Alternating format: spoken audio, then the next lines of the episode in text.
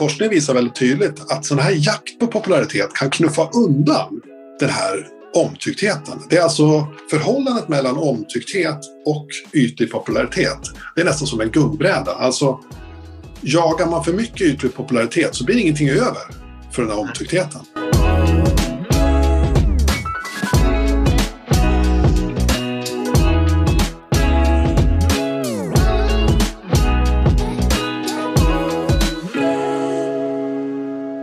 Vet inte hur många gånger jag stod på scen och pratade om att ofta köper kunder av den de tycker om. Och hur viktigt det var att faktiskt vara likable. Jag tror det var 1912 som Dale Carnegie skrev boken How to win friends and influence people. Fantastiskt! 1912. Nu 109 år senare så släpps en bok som heter Omtyckthet skriven av professor Lars Johan Åge. Författare och föreläsare som också har jobbat med FBIs insatsstyrka. Eller med FBI, åtminstone i gisslansituationer. Jag har Lars Johan i podden. Välkommen Lars Johan! Tack! Hur mår du? Jag mår jättebra. Eh, jag har ju precis fått en sån här liten spruta eh, så nu känns det ju riktigt bra faktiskt. Och man hoppas att livet ska börja bli lite mer normalt igen. Mm. Ja, det hoppas vi alla. Var befinner du dig idag geografiskt? Geografiskt befinner jag mig i ett regnigt Gävle idag. Mm. Och du är här för att prata om omtyckthet. Det är ju faktiskt ett ganska härligt namn på en bok, tycker jag. Ja, visst är det. Man blir lite glad när man hör det, eller hur? Omtyckthet. Ja. Och då har du ändå skrivit boken Happy Happy så att eh, om omtyckthet eh, eh, gör en glad så kan man väl läsa Happy Happy så borde det göra en dubbelt så glad då med andra ord. Precis. Berätta Lars-Johan först och främst, vem är du? Ja, jag är forskare till vardags så att säga. Eh, och är intresserad av det här med mänskliga interaktioner. Eh, som ekonomiforskare får jag ibland frågan varför är jag intresserad av människor? Borde inte du hålla på med siffror och pengar bara? Men jag är en sån där ekonomiforskare som är mer intresserad av mänskliga beteenden. Och då är det här med omtyckthet, eh, tycker jag särskilt intressant i vår tid just nu. Mm. Varför är det så intressant i vår tid, tycker du? Jo, för att eh, människor har i alla tider sökt olika former av bekräftelse. Men idag så finns det ju faktiskt två typer av bekräftelse. Alltså det finns, det finns en sund popularitet och så finns det en osund popularitet. Och den sunda populariteten kallar jag för omtyckthet. Den har att göra med nära relationer, förtroende för andra människor och att man känner att man får en kontakt med någon. Den osunda, det är mer den här ytliga populariteten. Eh, och den visar ju forskning faktiskt inte är sådär vansinnigt bra för oss. Utan jagar man den för mycket så kommer en hel lång lista med nackdelar. Mm.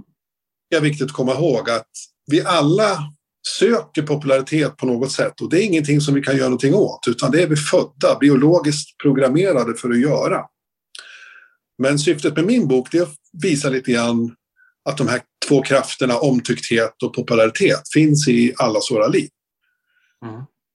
Kan du berätta lite grann först om popularitet och de risker du ser med att jaga det innan vi går in på det positiva som är omtyckthet och vad du, vad du lägger i begreppet omtyckthet. För du har varit ganska tydlig i boken kring tre hörnstenar så att säga vad omtyckthet är. Men kan vi prata först om popularitet? Berätta. Absolut. Popularitet, det handlar ju oftast om anseende, status eller makt över andra. Och det är saker som sker lite mer på avstånd än den här djupare kontakten som man kan få med en annan människa.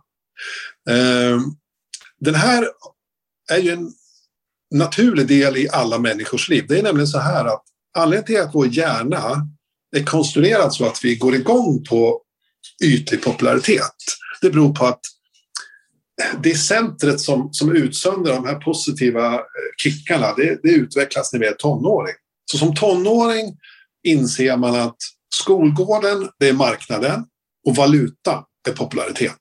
Mm. Och det här är helt naturligt att man börjar upptäcka det här, för det här är ett sätt att frigöra sig från föräldrarna. Innan man upptäcker det här, då är man ju liksom bästa kompis med sina föräldrar. När man väl har upptäckt det här, då inser man att föräldrarna de är lite småtöntiga. De ska man försöka hålla på avstånd. De viktiga relationerna, de finns där ute på skolgården. Det är de coola killarna och de coola tjejerna. Eh, det här är alltså någonting som, som finns i alla människor.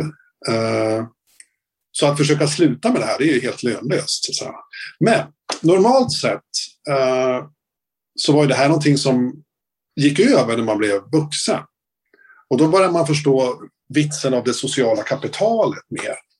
Alltså riktiga relationer och, och ens kontakter som man har där. Det som är problematiskt i vår tid, för att svara på frågan varför är det här aktuellt idag? Det är ju det faktum att vi har ekonomiska förutsättningar, vi har teknologiska förutsättningar att leva som en tonåring tills vi är 85 år gammal. Mm. Uh, unga vuxna pratar man om förr i tiden. Det var ju folk som hade precis fyllt 40. De ville leva ungefär som de var 25, eller hur? Ja. Idag fortsätter ju de här unga vuxna vara unga vuxna hela livet. Och det här tycker jag är någonting som måste uppmärksammas lite grann.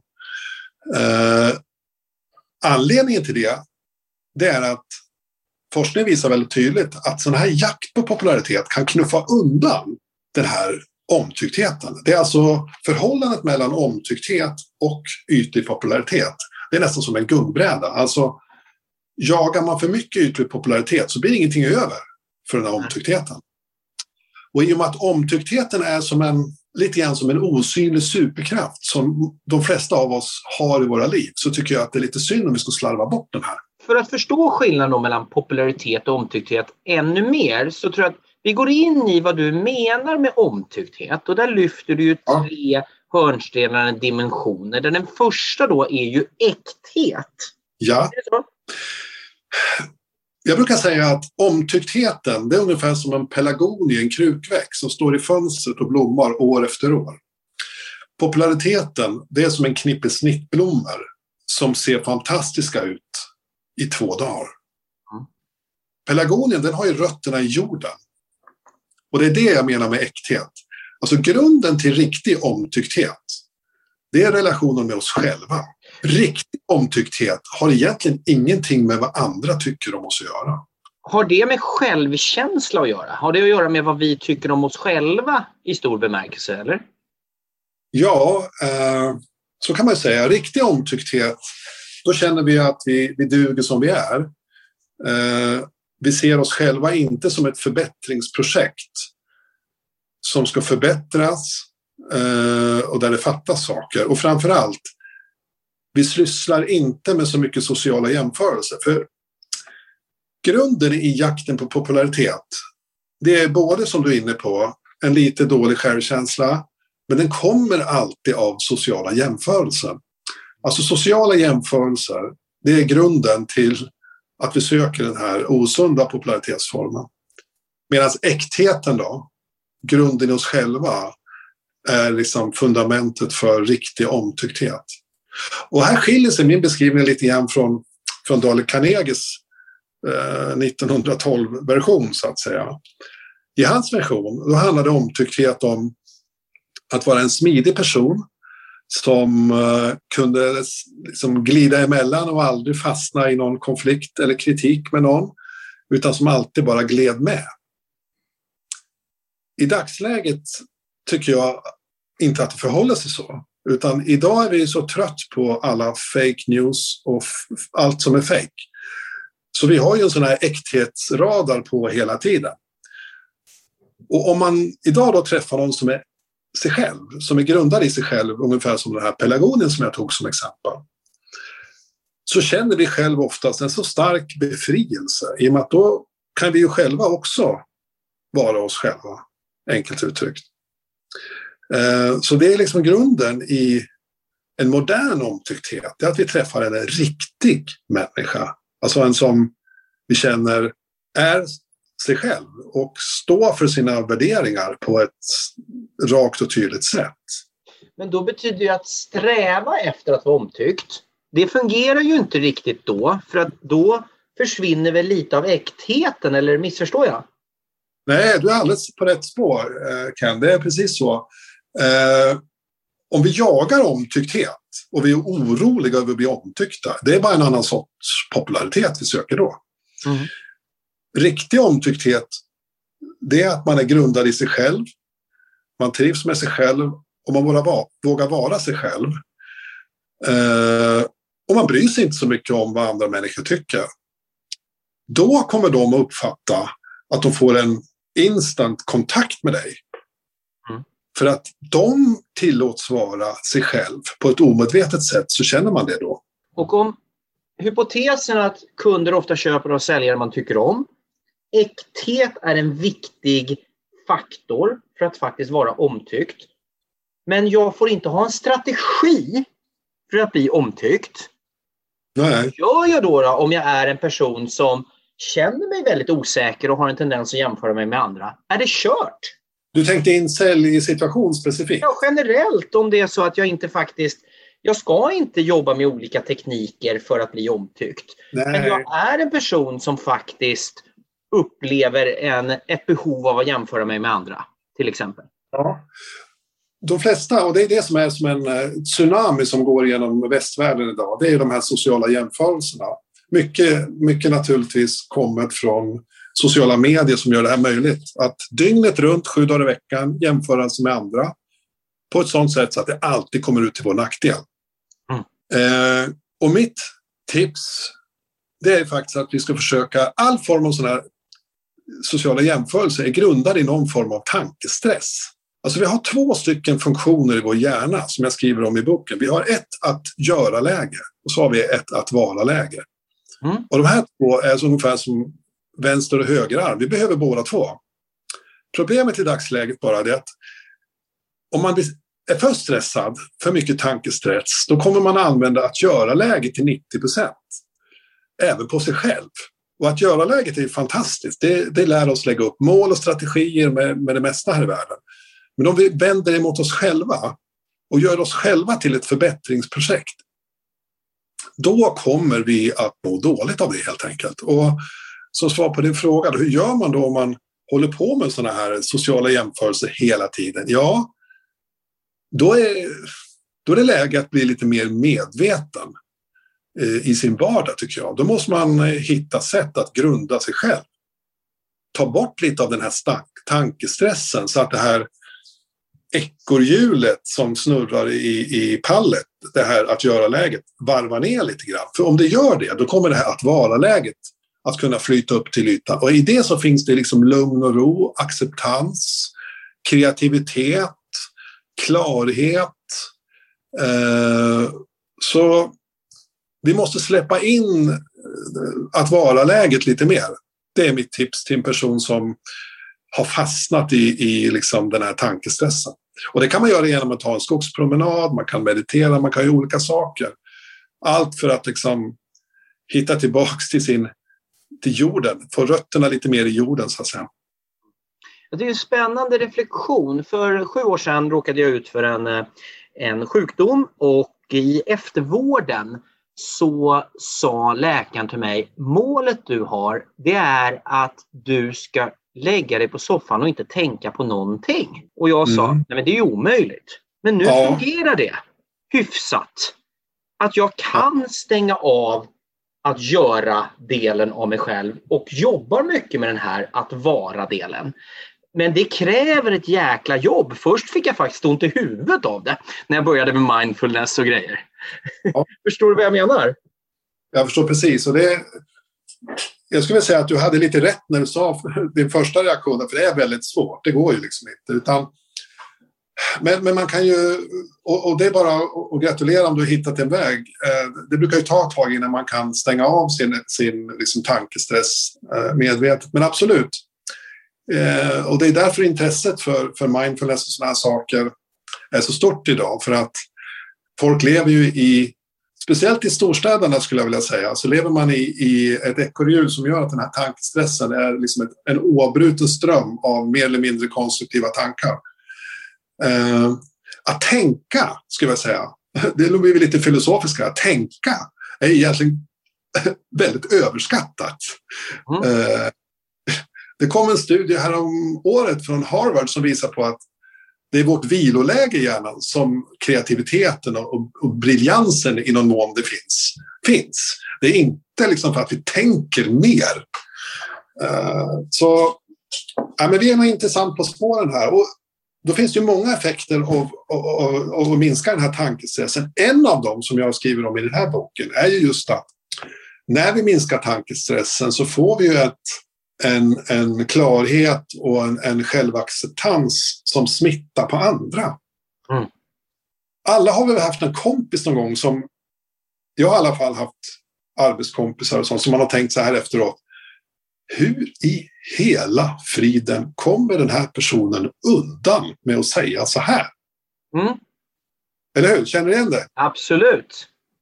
Och då tänker man så här, om jag skulle säga samma sak så skulle det bli, inte bli särskilt roligt. Men de här personerna kommer undan med det här och kan till och med få en positiv omtyckthet. Och förklaringen till det är ju just det vi pratar om, äkthet. För den personen är ju det här ett äkta beteende och det kan vi instinktivt lukta oss till va? och det accepterar vi.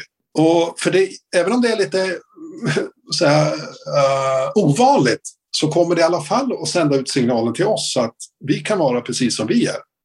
Men det är fantastiskt spännande det här tycker jag. Eh, så i omtyckthet har vi äkthet. Här handlar det om att bli av med sociala jämförelser som bland annat sociala medier bidrar till. Och det handlar om att försöka vara i att vara-läget snarare än i att göra-läget. Och, och helt enkelt då göra lite mindre, att inte liksom eh, göra för mycket och anstränga sig för mycket. Det låter lite paradoxalt men, men det ligger i omtycktheten helt enkelt. Ja, eh, att göra läget är ju som sagt någonting som, som eh, är fantastiskt.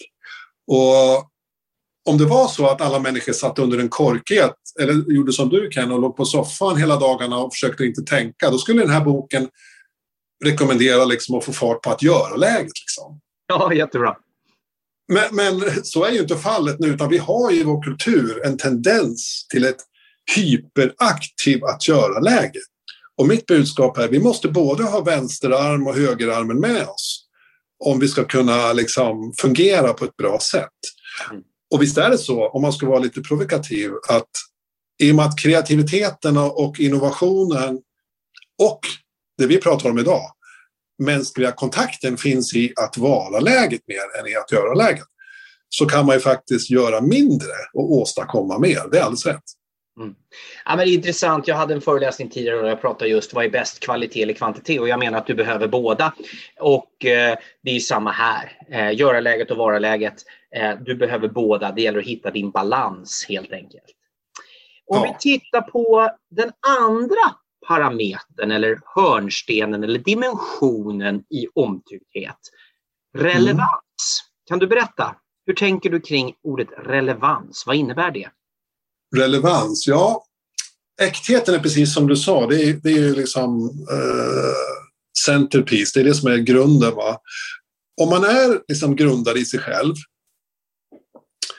då är det lättare, om man har eh, liksom ett, ett att vara-läge som är i balans med att göra-läget lite grann, då är det lättare att vara relevant för andra människor. Och det är väldigt centralt för en säljare till exempel. Att vara relevant för någon annan handlar ju om att skapa värde. Alltså om det inte skapar värde för en annan människa på något sätt, då är det ju inte relevant för den personen. Eh, då ska man ta något vardagligt exempel. Om du träffar en person som i och för sig är väldigt trevlig, men som bara pratar om sig själv eh, och du får inte en syl i vädret. Efter ja, ett antal minuter så kommer du känna att det här känns ju lite grann som bortkastad tid, eller hur? Absolut. Och tvek om du skulle tycka att oj, det här måste vi göra om fler gånger en sån person eh, missar ju helt att vara relevant. Alltså relevant handlar om att man är närvarande just då och pratar om någonting eller eh, diskuterar någonting som är aktuellt i just den här situationen. En säljare naturligtvis ska ju prata om saker som är, som är intressant för sin kund. Alltså, en säljare som inte är relevant är ju en säljare som kommer och frågar inköp, den påläste inköpschefen som vet nästan allt om vilket IT-system han eller hon ska köpa och frågar vad håller dig vaken om nätterna? Liksom?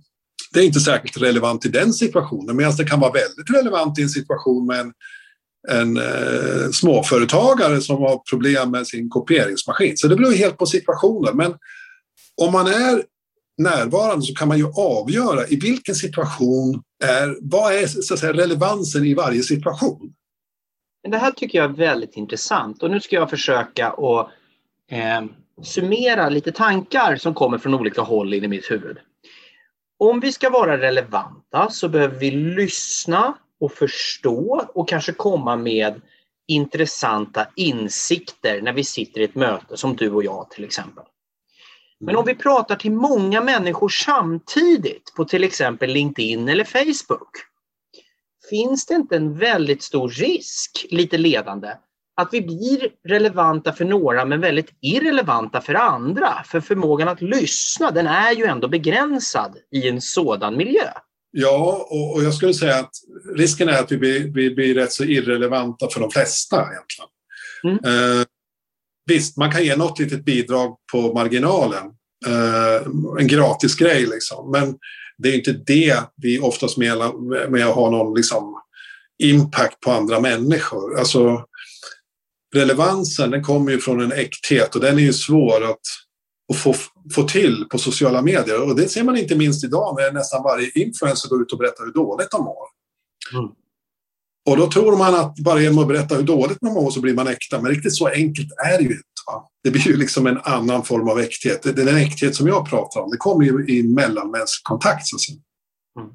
Men blir det inte svårt helt enkelt att förstå vad som är äkta till slut? Jo, eh, och det är därför jag, jag tog det här exemplet med en person som, som säger saker som vi kanske själva aldrig skulle komma undan med att säga. Vi har ju som en gen i vår hjärna som gör att vi, vi dras till det äkta. Vi dras ju och vi kan ju urskilja äkthet. Eh, på ett instinktivt sätt. Även fast vi inte tänker på det sättet så kommer vi automatiskt märka att en person som, som är, eh, är så att säga som en produkt, liksom som är plast, plastig och rabblar en utan läxa liksom, vid ett säljmöte. Eh, kanske säger exakt rätt ord, va? men gör det på ett sådant sätt så att du hör att det här är intränat. Och det hade kunnat suttit vem som helst här, det hade inte gjort någon skillnad. Då kommer vi oftast inte att känna liksom att det här, jag hoppas den här personen presenterar en produkt som jag kan köpa för det här kändes så bra. Ja, jättebra. Jag lägger märke till ofta när jag pratar med säljare så kan jag känna någonstans hur de har startat sin säljutbildning. Om de har startat med att prata om liksom hur man tekniskt genomför ett kundmöte, hur man hanterar invändningar eller köpsignaler. Eller om det finns en grundläggande diskussion av vilket värde man vill skapa för kunden. Eh, mm. Den ena typen, där blir det väldigt plastigt som du uttrycker. Medan den andra som har en djup förankring i vem de är och vilket värde bolaget och individer vill skapa och sen jobbar med teknik, där blir det inte lika ja, plastigt eller vilket ord vi vill använda. Förstår du vad jag menar? I, i vilket, vilken ordning man borde börja när man letar efter omtyckthet? Ja, absolut. Och, och jag tror den andra personen som du berättar om, eller beskriver, det är ju den personen som skapar värde och som, som, in, som funderar mindre på vilket intryck de ger på den andra personen. Alltså, som är, är mer grundad, som är, är, mer som en pelargonia. Liksom. Mm. Som är grundad i sig själv och det de kan och det de vill, vill utföra. För någonting. Nej, men det, det, här poddavsnittet är ju för att prata lite om den här boken som är faktiskt väldigt bra. Jag rekommenderar er att, eh, att läsa den här boken. Och det är klart att det är i praktiken nästan omöjligt att leva upp till allting som föreslås kring medvetenhet och äkthet och relevans och det går i varann och vem är jag till slut i det här? Men det är fortfarande ett intressant ämne att vända och vrida på lite grann i dessa tider när sociala medier tar över mer och mer och jag själv tittar ibland på när jag gör ett inlägg så här som ska vara äkta känner jag och så börjar jag bli så här oj oj oj var det här äkta eller var det taktiskt? Och jag är ärlig och säger att ibland blir det så att det blir svårt och jag känner så att jag blir mindre och mindre benägen att arbeta med sociala medier. Mm. Och, och, då kommer vi in på den där sista eh, delen. Va? Äktheten den är ju liksom grunden och sen kommer relevansen och sen kommer positiviteten också. Den får man inte glömma bort för att Precis. vi måste ju ge en positiv energi till andra och det här är väldigt svårt att göra online så att säga. Även om visst, man kan eh, ge lite glada hejrop till någon. Det fungerar ju alldeles utmärkt. Men den här riktiga inspirationen och, och kraften i entusiasm och, och, den här typen av positiv energi, den kommer ju oftast mellan människor. Mm. Men så, så ja, det, det är de här tre. Och, och viktigt att vilja tänka på att alla är vi ju eh, rätt så omtyckta. Alltså vi är ju, eh, har ju en hel del omtyckthet i våra liv. Det är väl enda, ska man ta något exempel historiskt så är det väl någon sån som Marilyn Monroe eller Michael Jackson kanske som inte har haft ett enda gram omtyckthet i sina liv. Men vi vanliga människor har ju rätt mycket nära bra relationer på lite olika ställen. Och mitt enda syfte med den här boken är liksom att det är inte att lära någon gå från noll till tio så att säga. Det är inte som att ta en robot och försöka förklara vad omtyckthet är. Det vore ju omöjligt. Utan jag försöker bara förklara någonting som du har levt med hela ditt liv, varje dag. Mm. Och säga att det här tar du så naturligt. Så att det, det enda risken som du löper det är att du slarvar bort lite av den här kraften för att du glömmer bort den. Mm. Och det enda jag gör med min bok det är bara att liksom sätta fingret på det och säga okej, okay, vi har ett litet slag i våra liv mellan omtyckthet och popularitet. Var lite medveten om det, ungefär som att du är medveten om vad det, vad det innebär att äta liksom, pizza tre gånger om dagen eller dricka liksom, eh, en whisky på fredagkväll eller vad det nu är för någonting. En medvetenhet om att ja, ja, eh, i viss måtta kan det här faktiskt vara rätt så bra. Mm. Men... det är jättebra beskrivet, för att det var det jag försökte mena med det här med sociala medier och min egen inställning till det. Det är att i slutändan bara landa i att landa i tanken att ja men så här är det och att det inte är mer dramatiskt än så. För det tror jag ibland när man lyssnar på sådana här saker. Oj, oj, oj, nu måste jag vara perfekt. Men det är väl just det att, nej, men, att bara vara ibland. Att bara, bara försöka vara sig själv i så mycket som möjligt och, och hoppas att det räcker ganska långt. Ja, och de gånger man känner att man har haft en bra, till exempel som säljare, de gånger man känner att ja, men vi, vi fick en jättebra kontakt. Då kanske man kan bara reflektera lite kort och säga så här, ja men jag kände, jag kände kanske att jag, att jag var mig själv. Jag försökte inte liksom följa något script eller snacka om någonting som jag egentligen inte är intresserad av. Utan jag bara gick bara in och sa, tjena, hur är läget? Hur hamnar vi här liksom? Vad ska vi göra nu? Alltså, då kanske man... Återigen, vi är alla proffs. Vi är sociala varelser. Vi är sociala genier, de flesta av oss. Det enda risken jag ser är att medelklassen, eller den stora massan idag, har ju liksom nästan flippat ur på liksom popularitetsjakten. Va? Mm, mm. Alltså, återigen, de, de lever som tonåringar fast de är liksom 75. Mm. Och, och det här är, är, bara någonting jag vill bara höja ett, ett litet varningens finger och säga så här, okej, okay, men tänk på det här bara att det finns liksom andra saker i livet som du egentligen tycker är viktigare. Se till att du inte tappar det på något sätt.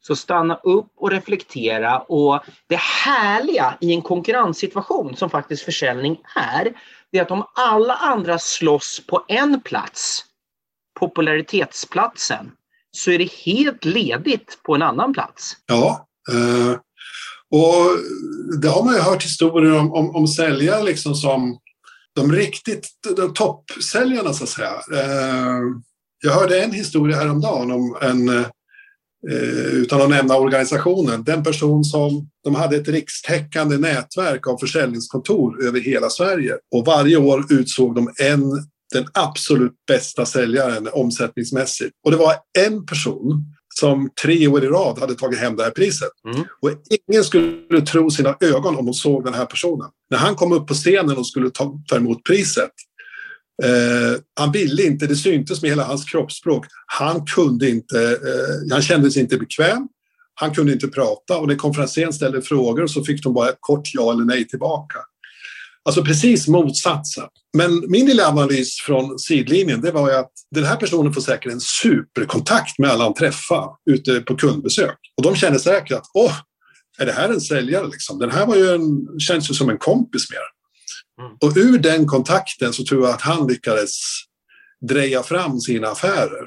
Ja, spännande. Ingen person som sökte uppmärksamheten utan gick igång, hade drivkrafter som handlade om något helt annat helt enkelt. Ja. Mm. Jättespännande Lars-Johan. Är det något annat du vill säga kopplat till omtyckthet eller någonting som jag inte har frågat om som du tycker jag borde ha frågat om? Nej, möjligen kan jag nämna ett experiment som jag skriver om i boken som jag tycker är rätt intressant. De satt på studenter en rosa t-shirt som det stod “Jag är omtyckt” på. Just det. Och skickade ut dem på campus och sa gå ut med den här en dag och sen berättar ni vad, skriver ni ner på en dagbok vad som har hänt. Och det som hände här var ju dramatiska grejer. Många studenter kom tillbaka och sa att trodde knappt sina ögon vad som hade hänt. De hade pratat till människor på ett annat sätt. Någon hade börjat räcka upp handen i klassrummet och en tredje sa att hade jag haft en sån här t-shirt på mig från barnsben då hade mitt liv varit helt annorlunda. Alltså, det jag tror, och det forskarna kallar det här för en transaktionsmodell, hur man skapar en positiv spiral i mänskliga sam, sam, eh, att säga. Alltså att sättet som jag agerar påverkar andra och sättet som de talar till mig påverkar hur jag reagerar mot dem. Alltså det blir en sån här stegvis uppåtgående positiv spiral. Och det är precis så den här superkraften omtycktheten funkar. Eh, fast vi inte tänker på det, återigen, du gör det varje dag men du tänker inte på det. Men när du får igång den här spiralen så kommer du locka fram bättre egenskaper i dem du möter. Du kommer själv kanske att framstå som både intelligentare och duktigare säljare och kanske till och med uppleva att du har mer tur i livet. Alltså massa saker som vi vanligtvis tror beror på andra saker kommer av att vi sätter igång ett mellanmänskligt samspel med en positiv skruv. Så att säga. Mm. Otroligt spännande. Det här är ett slags eh, moment 22 avsnitt eh, där vi har reflekterat kring ordet omtyckthet som består av relevans, äkthet och positivitet. Där mm. vi ska försöka att bara vara eh, och inte bara vara i att göra-läget. Och någonstans så, om vi nu anstränger oss för att faktiskt vara omtyckta, så finns det en risk att vi jobbar mot att bli populära och då får det den här negativa konsekvensen. Ni förstår det paradoxala, men det är ett avsnitt i reflektionens tecken. Otroligt spännande bok och kul att ha dig med Lars-Johan. Ja, tack detsamma. Jättetrevligt att få vara med. Jag rekommenderar läsning av den här boken. Jag sträckläste och tyckte det var jätteintressant och gick tillbaka och funderade lite på vem är jag i det här? Och oh, det kändes ganska bra. Och som coach, jobbar jättemycket med coaching, så känner man ju, jag träffar ju den här äktheten hela tiden i ett möte med en annan människa.